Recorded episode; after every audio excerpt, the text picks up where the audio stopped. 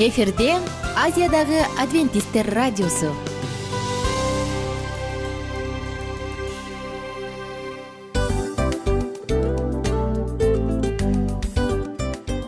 Достор салют.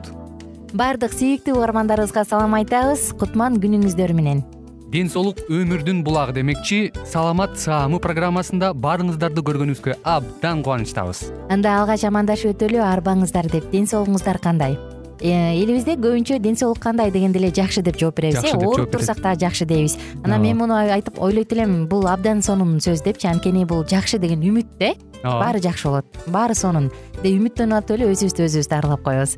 Анысы кандай? Сиздин дагы ден соолугуңуз жакшы беш деген үмүттөбүз чындыгында ден соолук бул өмүрдүн булагы деп бекеринен айтылган эмес деп ойлойм. Кыргыз элинде анткени эгерде ден соолук жок болсо анда адамдын жашоосунда калган баардык керектүү маңыздуу нерселер өзүнүн баалуулугун жоготуп коет. Ошондуктан ден соолук бул эң керектүү нерсе. Ооба туура айтасың кесиптешим. Чынында ден соолугуң жок бир эки үч күн ооруп калсаң эле э кандай болуп калат? Жашоодо көз каранды болуп каласың көп нерсеге жетишпей каласың көп нерсени кыла албай каласың жада калса эшикке дүкөнгө да чыга албай каласың. Туптуура анан ден соолук болсо демек биз биздин бактыбыз тоодой деп койсок болот.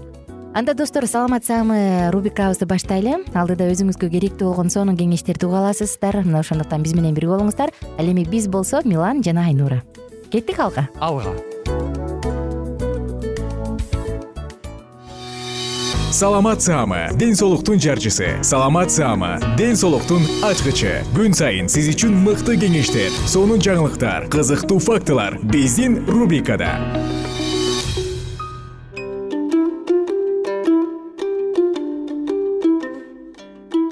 амансыздарбы ардактуу угармандарыбыз кайрадан сиздердин назарыңыздарда ден соолуктун ачкычтары программасы. Бүгүнкү программабыздын чыгарылышында өткөн берүүбүздө сөз кылгандай эле адам баласынын ден соолугуна э, жада калса өмүрүнө терс таасирин тийгизип жаткан бүгүнкү күндөгү спирттик ичимдиктер башкача айтканда алкоголь туурасында э, маегибизди кайрадан эле улантмакчыбыз.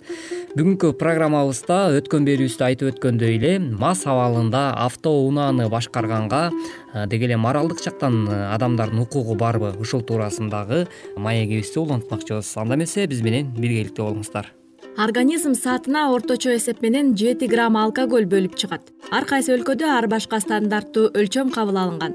Бүткүл дүйнөлүк саламаттык сактоо уюмунун билдирүүсүнө ылайык он грамм таза алкоголь стандарттуу өлчөм катары эсептелет. Бул болжол менен эки жүз элүү миллилитр сырага жүз миллилитр шарапка же отуз миллилитр күчтүү ичимдикке барабар болот бул ичимдиктерден алкоголдун өлчөмү дээрлик бирдей болот. Мисалга бир бөтөлкө сыра үч жүз отуз миллилитр беш грамм алкоголду түзөт. Бир стакан күчтүү спирт ичимдиги мисалга виски джин арак бул кырк миллилитри кырк пайыз алкоголь болуп саналат мисалга бир бокал шарап жүз кырк миллилитр болсо ал он эки граммы алкоголь болот экен. Бир рюмка ликердо жетимиш миллилитр болсо жыйырма беш пайыз алкогольду түзөт экен ооба чындап эле алкоголдун составында мына ушундай э, нерселер бар экен. Ал эми урматтуу угармандар сиздер болсо бүгүнкү күндө биздин программабызды тыңдап жатасыздар. Ошого чейин эле э, айрымдарыңыздар ушул э, арактын кулчулугунан бүгүнкү учурда кантип чыгуунун жолдорун билбей жатсаңыз же болбосо кантип күрөшүп ушунун үстүндө кутулсам деген аракетти көздөп жаткан болсоңуз анда биздин берүүлөр сизге чыгуу жолдорун көрсөтүп бергенге кандайдыр бир деңгээлде болсо дагы өзүнүн жардамын берет деген ишенич менен маегибиз уланта бермекчибиз.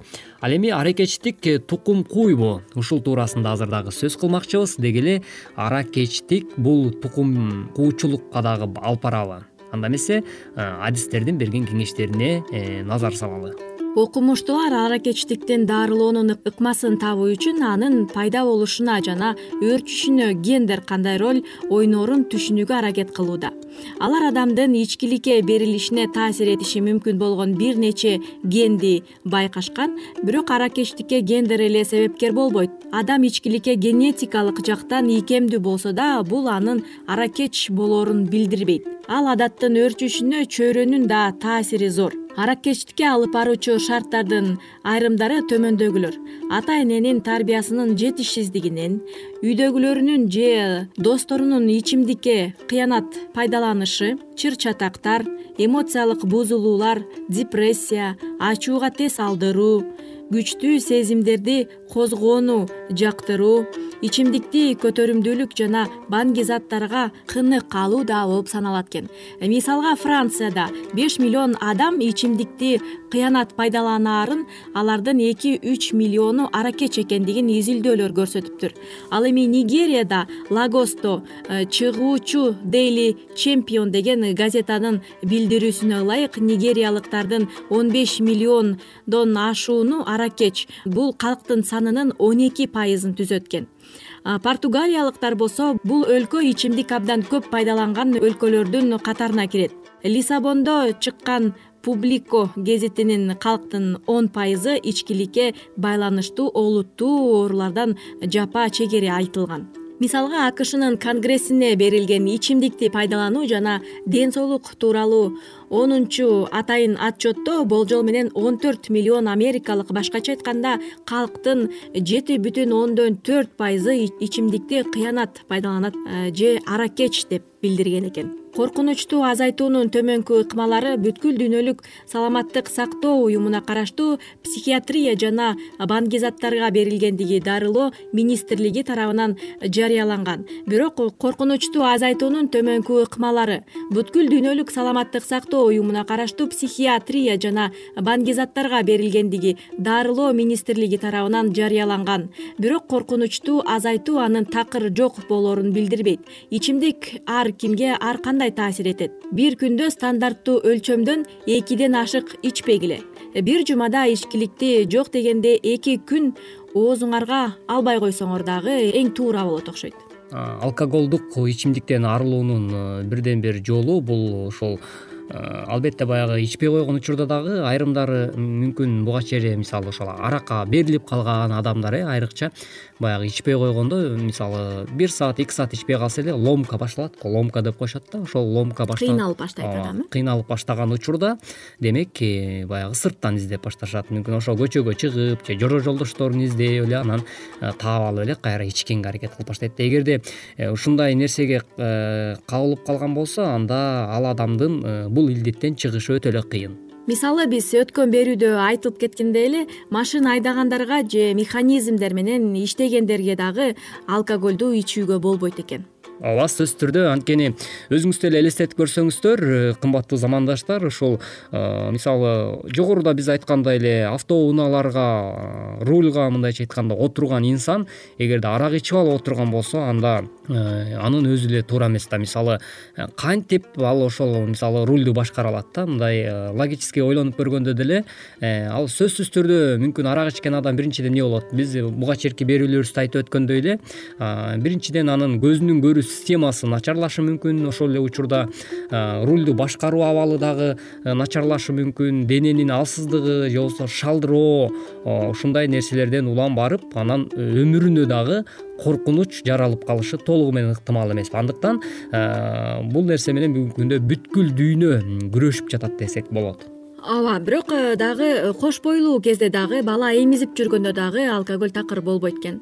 Э, дарыланып жүргөндө дагы жана ооруп жатканда дагы алкоголь ичкен болбойт экен ооба сөзсүз түрдө э, өзүңүз ушул саламаттыгыңыз үчүн дарыланып жатсаңыз анан анын үстүнө кайра арак ичип алган болсоңуз баягы эми ачууну ачуу басат деп коюшат го элдечи анан ошентип туруп ичип алса бул сөзсүз түрдө ден соолугуна саламаттыгына терс таасирин тийгизет.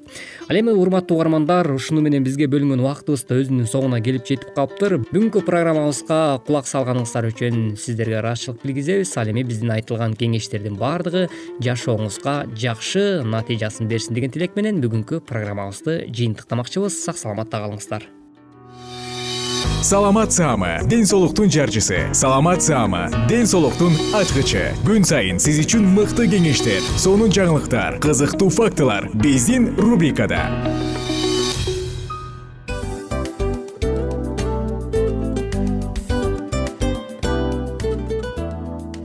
Салют замандаштар баарыңыздарга ысык салам дил маек программабызга кош келиңиздер. Дил маек рубрикасы дегенде эле бул эмне болгон дил маек ким менен маектешебиз деп сурайт болуш керек угармандарыбыз. Бул рубриканы кыскача тааныштыра кете турган болсок ар тарап кесип ээлеринен болгон сонун интервью кеңештер бар жылдыздар менен болгон маек бар аталарыбыздын агаларыбыздын чоң аталарыбыздан сонун кеңештер бар ошондой эле эже сиңдилердин кеңештери бар. Айтор баардык кызыктардын баары алдыда негизи эле адам баласы бир кимдир бирөөнө ишенип сырын ачкысы келет эмеспи э мындай баарлашууга жакын келебиз го. Албетте. Негизи бир жерге отуруп алып кенен шашпай баягы жүрөктөн жүрөккө ачып сырларыбызды ар кандай көйгөйлөрүбүз менен бөлүшүп баягы чын жүрөктөн маек курганды кимибиз сүйбөйбүз э? Ооба десең ал нерсеге суусап да келебиз да. Ооба кээ бирде адамга чындыгында баягы э, ысык маек баягы жылуу маек жетишпейт да. Ошондуктан биз ушул рубриканы ойлоп тапканыбызда эң биринчи эле достор сиздер менен чын жүрөктөн бир маңыздуу темаларды козгоп кеткени э, кааладык. Ошондуктан ушундай сонун бир рубриканы тартуулап жатабыз. Анын үстүнө радио дагы сонун дос да анткени э, мындай учурда досуңа айтсаң досуң досуна айтат досу досуна айтат да анан бүт өлкө билип калышы мүмкүн го. А радио болсо сени сатпаган сенин айыбыңды ачпаган сенин сырыңды эч кимге айтпаган сонун дос мына ошондуктан биздин алдыдагы айта турган кеңештерибизди биздин досторубуздун кеңештерин угуп анан ал жака пикириңизди дагы калтырып кайрадан биз менен байланышсаңыздар болот. Деги эле жашооңузга эгерде кичине болсо дагы өзгөрүү алып моралдык жактан ыалык жактан сонун бир кеңештерди алсаңыз демек биз максатыбызга жеттик. Ооба. Чыңгыз атабыз улуу жазуучу э, чыңгыз айтматов айткандай адам болуу бул күнүмдүк процесс экен. Күн сайын адам бойдон калуу бул адамзатка эң эле кыйын дейт э? э эң кыйын дейт. Чындыгында бунун э, негизинде адамдын эң баягы сапаттуулугу адамдын э, адамгерчилиги жана көптөгөн керектүү нерселер. Мына ошол темалар дагы бизде ушул дил маекте биз аларды да козгойбуз. Ден соолук жөнүндө да сүйлөшөбүз. Сөзсүз түрдө. Анан милан мырза негизи айтып коюшат го. Биз көбүнчө эмнени ойлонсок ошол нерсеге карата иш кылабыз го. Ооба. Анан анысы кандай балким бул радио баракчада кимдир бирөөнүн оюн текшергенге жардам берет кимдир бирөөнүн жүрөгүн текшергенге жардам берет. Балким кимдир бирөөгө жашоонун маңызын тапканга жардам берет айтор кызыктын баары алдыда бул жөн гана кыскача жарнама анда угармандарыбыздын баардыгын кийинки рубрикабызга чакырабыз. Ал эми кызматта маңдайымда отурган кесиптешим милан жана мен айнура. Анда эмесе биз даярдаган терең терең ойлор менен таанышууга кеттик. Алыс алыс баралык анда эмесе достор биз менен бирге болуңуздар. Алдыда эң кызыктуу маалыматтардын баардыгы бир нече мүнөттөр бою жалгыз гана сизге арналат. Мына ошондуктан жакшы маанай менен угууну каалайбыз. Үн алышканча. Жөнөдүк.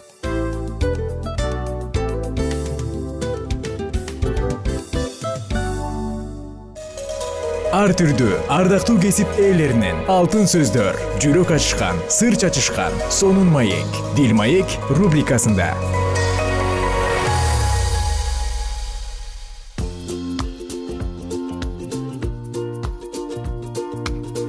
салют достор.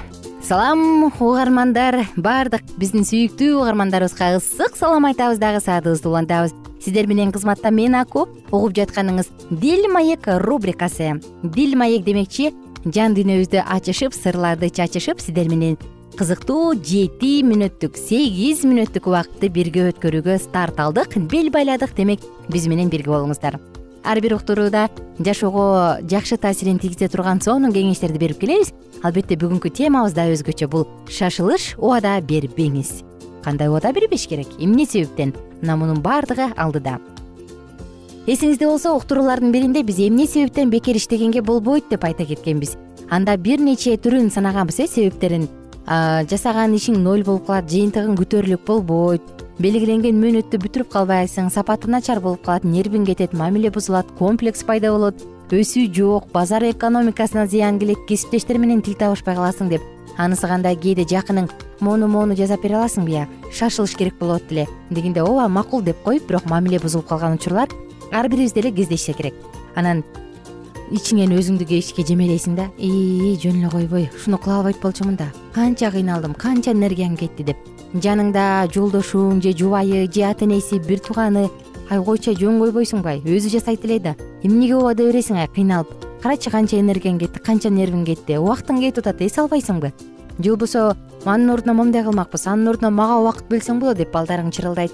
Айтор ыңгайсыз учур баарына тең жаралып калат. Мына ошондуктан акысыз жумушка макул болоордун алдында көп нерсени ойлонуу керек деги эле убада берердин алдында абдан көп нерсени ойлонуш керек. Шашылыш убада берип коюп анан мамиле бузулуп калбасын. Эмесе достор сиздер менен бирге кантип шашылыш убада бербеш керек? Анын үчүн эмнени эске алуу туура келиңиздер. Бирге ой жүгүртөлү биринчиси маанайыңыз жакшы.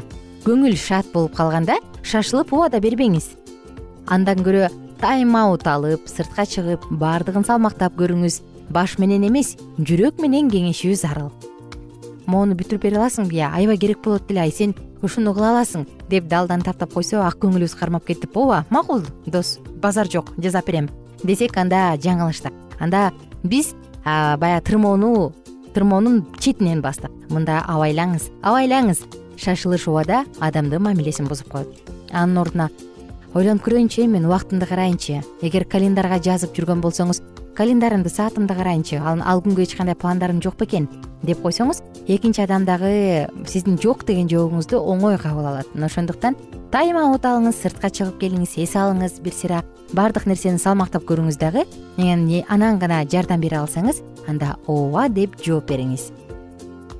Кийинки кезекте ишене албай жатсаңыз эч качан ооба дебеңиз эгерде ооба жасап берем ырас убактым бар да дей турган болсоңуз сиз убада бердиңиз. Кийинки адам мындай сөздөрдү шарт катары эмес убада катары түшүнөт. Же болбосо эгерде шартыңызды айтсаңыз мен мондай мондай мондай жумуштарым бар. Эгерде капыстан убактың болуп калса анда жасап бергенге аракет кылам. Бирок менин убактым жок деп даана айтыңыз. Эгерде шартыңыз туура эмес келип жатса анда дароо эле жок деп коюңуз. Анткени шарт адамдын экинчи убада сиздин убадаңызды алып жаткан адамга шарт катары эмес. Убада катары кабыл алынат. Ал ушинтип деле бир жолу жардамына муктаж болсом ооба деп коюп жасабай койду эле. Дароо эле жок дегенде мен башка адамды издемек экенмин. Карасаң монтти антти деп отуруп ортодо көп сөздөр болуп кетет мамиле бузулат. Ошондуктан эч качан шашылыш ооба дебеңиз. Шашылыш убада бербеңиз. Үчүнчүсү керектүү учурда дароо жок деп айтуу туура болгондо дагы тайсалдабай. Досуңуздун кесиптешиңиздин керек болсо римдин атасынын көзүнө тике карап жылмаюу менен жок деп айтканды билген кандай жакшы. Бул убада берип коюп аткарбаганга караганда бир нече эсе жогору. Мени менен макул эле болот болушуңуз керек э? Анткени ооба досум аракет кылайын жасап берем. Сен үчүн ой сөз жок да деп койсоңуз анда ал сөзсүз жасап берет дейт дагы башка адам издебейт өзү аракет кылбайт анткени сизге табыштады мындай учурда экинчи адамдын ишениминен кете турган болсоңуз ой анда кыйын. А эгерде кыла албай турган болсоңуз дароо эле жок досум. Менин шартым моундай мондай эле. Бул күнгө мондай пландарым бар эле. Бул күнү моундай моундай кылат элем. Эгерде башка күн болсо башка убакыт болсо могул күнү болгон болсо анда мен моунча саат жардам бере алмакмын. Деп баардыгын баланча түкүнчөсүнө майда чүйдөсүнө чейин түшүндүрүп берсеңиз анда бул жакшы. Ошондуктан жылмаюу менен жумшак жок деп дароо айтканды үйрөнөлү жана кийинкиси балким жумуш бүткөндөн кийин ыраазы кылаар деп ойлорсуз жаңылышып калышыңыз мүмкүн. Баары эле сиз ойлогондой болбойт. Жардам жөнүндө кеп болгон жок. Бир гана кайсы бир жумуш ордундагы бекер эмгек жөнүндө уктук. Жардам бул ар бир адам өзүнүн кайрымдуулук фондунан бере турган акысыз албетте бийик турган иш. Бирок кээде жакындарыбыз ушуну бекер эле кылып берет ай жакшы таанышмын мурун мен монтип монтип суранганда ал мага жасап берген. Же менин жумушум мага дагы ушундай жардам керек болуп калды. Мен мурун сага жардам бердим эле деген ой менен жардам берет деп ишенип туруп айтса сиз балким төлөп берет деп кабыл аларсыз. Бул кээде баягы компьютер оңдогондорго атайын ушул жумуш менен тойлорго барып ырдагандарга тиешелүү тамадалык кылгандарга тиешелүү же болбосо соода кылгандарга тиешелүү айтор акчага тиешелүү көп жагынан э сен ойлойсуң менин жумушумду баалап төлөп берет. Кичине ыраазы кылар жок дегенде бензинимди коюп берер деп. А бирок экинчи тарап башкача ойлонуп калат экен. Достор эмне демекчибиз? Мамиле баардыгынан бийик эгерде колуңуздан келип турса анда жараткан үчүн деп жардамыңызды аябаңыз кайрымдуулук фондуңуздан жардам бериңиз. А эгерде колуңуздан келбей турса өзүңүздүн түйшүгүңүз түмөн болуп турса анда экинчи адамдын бекер гана үмүтүн актабай коюп мамиле бузулуп калбасын. Сактаныңыз. Дагы бир жолу айтарыбыз сактаныңыз. Ал эми биздин кааларыбыз ар бир өгүз ачка калбашы керек. Ар бир эмгек сыйланышы керек. Ошондуктан эгерде буга чейин сиз кимдир бирөөнүн эмгегин кылып койсо эчтеке болбойт эмнеси кемимек эле деп келсеңиз анда эмгекти баалачу учур келди. Жалпы угармандарыбызга кааларыбыз ынтымак ынтымак бар жерде дайыма ырыс болот. Ошондуктан эмгектин ар бири төлөнсүн эмгек баалансын эмгек жылуу сөздөр менен кайрымдуулук алсын аты жөнүм аку кийинки уктуруудан амандашканча сак саламатта туруңуздар.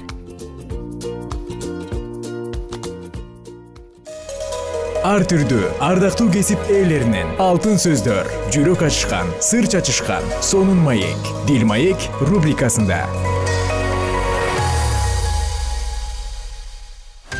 Жан дүйнөңдү байыткан жүрөгүңдү азыктанткан жашооңо маңыз тартуулаган жан азык рубрикасы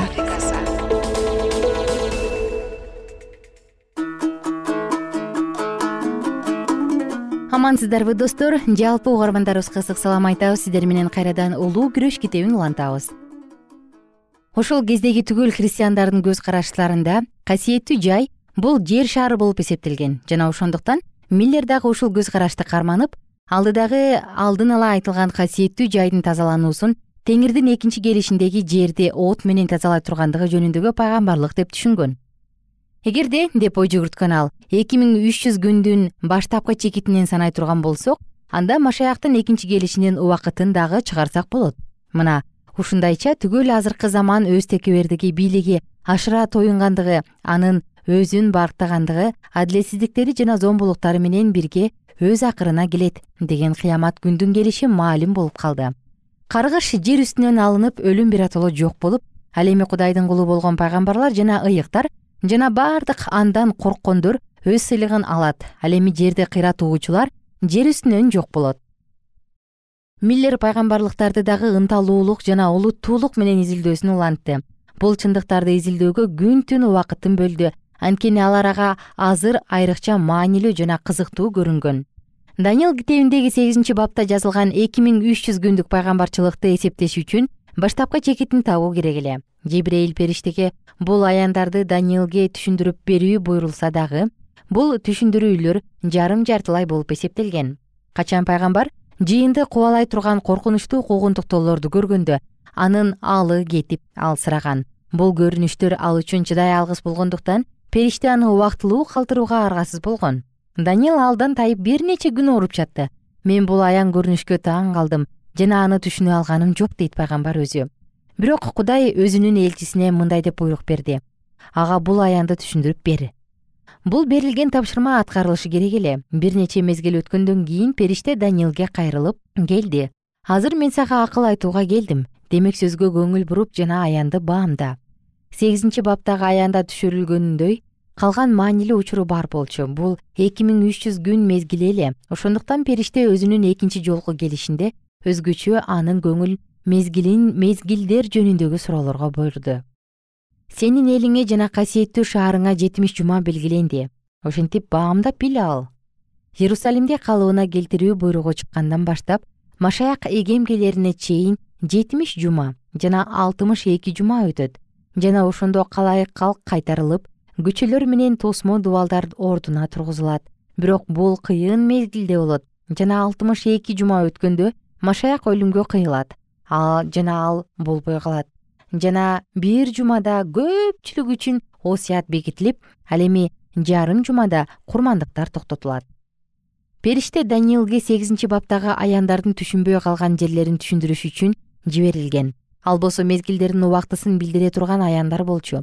Эки миң кеч жана таң өткөндө касиеттүү жай тазаланат. Даниилге сөзгө көңүл буруп жана аяндарды билип алууну буйругандан кийин периште шыр эле мындай деп айтты. Сенин элиңе жана касиеттүү шаарыңа жетимиш жума белгиленди. Бул жердеги белгиленди деп которулган сөздүн түздөн түз мааниси кесилди дегенди билдирет. Жетимиш жума же төрт жүз токсон күн периштенин айтуусу боюнча иудейлер үчүн кесилген. Бирок ал эмнеден кыркылып алынды? Эки миң үч жүз күн сегизинчи баптагы көргөзүлгөн жалгыз гана мезгилдеги убакыт болгондуктан жетимиш жума эки миң үч жүз күндөн кесилип алынган. Жана ушул эки мезгилдин бөлүктөрү бир мезгилде башталуусу керек эле. Периштенин түшүндүрүүсү боюнча ушул жетимиш жума иерусалимди калыбына келтирүү үчүн буйругу чыкканда башталмак. Эгерде ушул буйруктун чыккан мөөнөтүн тактай турган болсо анда эки миң үч жүз күндүн башталган убакытын билүү кыйынчылык алып келмек эмес. Ездра китебинин жетинчи бабында ушул буйрук жөнүндө айтылган. Бул буйрук акыркы болуп перстердин падышасы артаксеркс аркылуу машаяктын төрөлүшүнөн мурда төрт жүз элүү жетинчи жылы чыккан. Бирок ездранын китебинде мындай деп айтылат. Теңирдин үйү израиль кудайынын эрки боюнча жана перс падышалары кир дари жана артаксеркстин буйругу боюнча тургузулат. Үч падыша ушул буйрукту жеткилең кылмайынча түзүшүп бекемдешип жана толукташкан анткени ал эки миң үч жүз күндүн башталышын билдириши керек эле бул буйруктун акыркы чыгарылышынан машаякка чейин төрт жүз элүү жети жыл эсептеп жетимиш жума жөнүндөгү пайгамбарлыктын качан аткарылгандыгын билүү кыйынчылык алып келген жок. Иерусалимде калыбына келтирүү буйругу чыккандан машаяк эгеме чейин жети жума жана алтымыш эки жума башкача айтканда алтымыш тогуз жума же төрт жүз сексен үч жыл. Артаксеркстин буйругу машаякка чейинки төрт жүз элүү жетинчи жылдын күзүндө күчүнө кирген. Ушул мезгилден төрт жүз сексен үч жылды эсептей турган болсок биз машаяк төрөлгөндөн кийинки жыйырма жети жылдын күз мезгилине келебиз. Мына ушул пайгамбарлык ошондо аткарылган. Машаяк деген сөз майланган дегенди түшүндүрөт. Жыйырма жетинчи жылдын күзүндө машаяк жакан аркылуу сууга чөмүлдүрүлүп жана ыйык рух аркылуу майланган. Элчи петр мындай деп күбөлөндүрөт кудай назареттик ыйсаны ыйык рух жана кудурет менен толтурган. Элчилердин иштери онунчу бап отуз сегизинчи аят жана куткаруучу өзү мындай деп айтат. Теңир руху менде. Анткени ал мени жакырларга жакшы кабар таратуу айтуу үчүн майлаган. Сууга чөмүлгөндөн кийин ал галилеяга келип кудайдын падышалыгы жөнүндөгү жакшы кабарды таратты. Жана айтты мезгил жетти марк биринчи бап он төртүнчү он бешинчи аяттар. Жана бир жума көпчүлүк үчүн осуятты бекемдейт бул жердеги эскертилген жума жетимиштин эң акыркысы болуп саналат бул иудейлер үчүн берилген акыркы жети жыл. Ушул жыйырма жетинчи жылдан отуз төртүнчү жылга чейинки мезгилдердин аралыгында алгачында машаяк өзү андан кийин шакирттери бир гана иудейлер үчүн насаат айтышкан. Өз шакирттеринин үгүт айтууга жөнөтүп жатып куткаруучу мындай деген бутпарастарга алып баруучу жолдор менен жүрбөгүлө жана самария шаарына кирбегиле бирок израилдин үйүнөн жоголуп кеткен койлоруна элине баргыла. Матай онунчу бап бешинчи алтынчы аяттар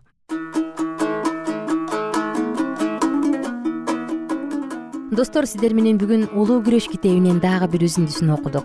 Жалпыңыздарга кааларыбыз көңүлдүү күн эч качан көңүлүңөр жүкпөсүн кайрадан уктуруубуздан амандашканча сак саламатта туруңуздар.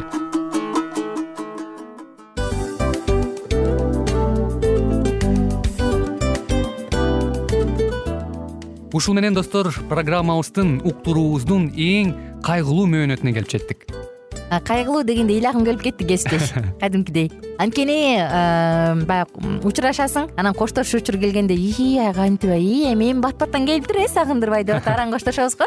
Анысы кандай? Угармандарыбыз менен коштошчу учур келди. Кийинки уктурууларды сагыныч менен жүрөгүбүздө кусалык менен күтөбүз жалпыңыздарды анан жарым сааттык уктуруу көз ачышым канча өтүп кетти сөзсүз.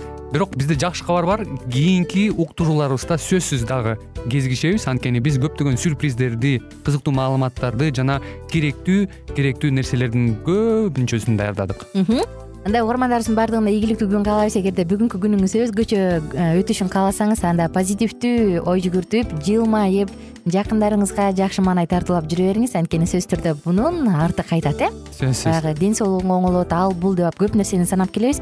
Эң негизгиси бул сиздин жашооңузду жаркын кыла түшөт экен жараткан кудай ар бирөөңүздөргө батасын берсин жашооңуз ийгиликтүү болсун сак саламатта калыңыздар деп мен милан жана кесиптешим айнура. Баардыгыңыздар менен кийинки уктурууда үн алышканча баарыңыздарга ийгилик каалайбыз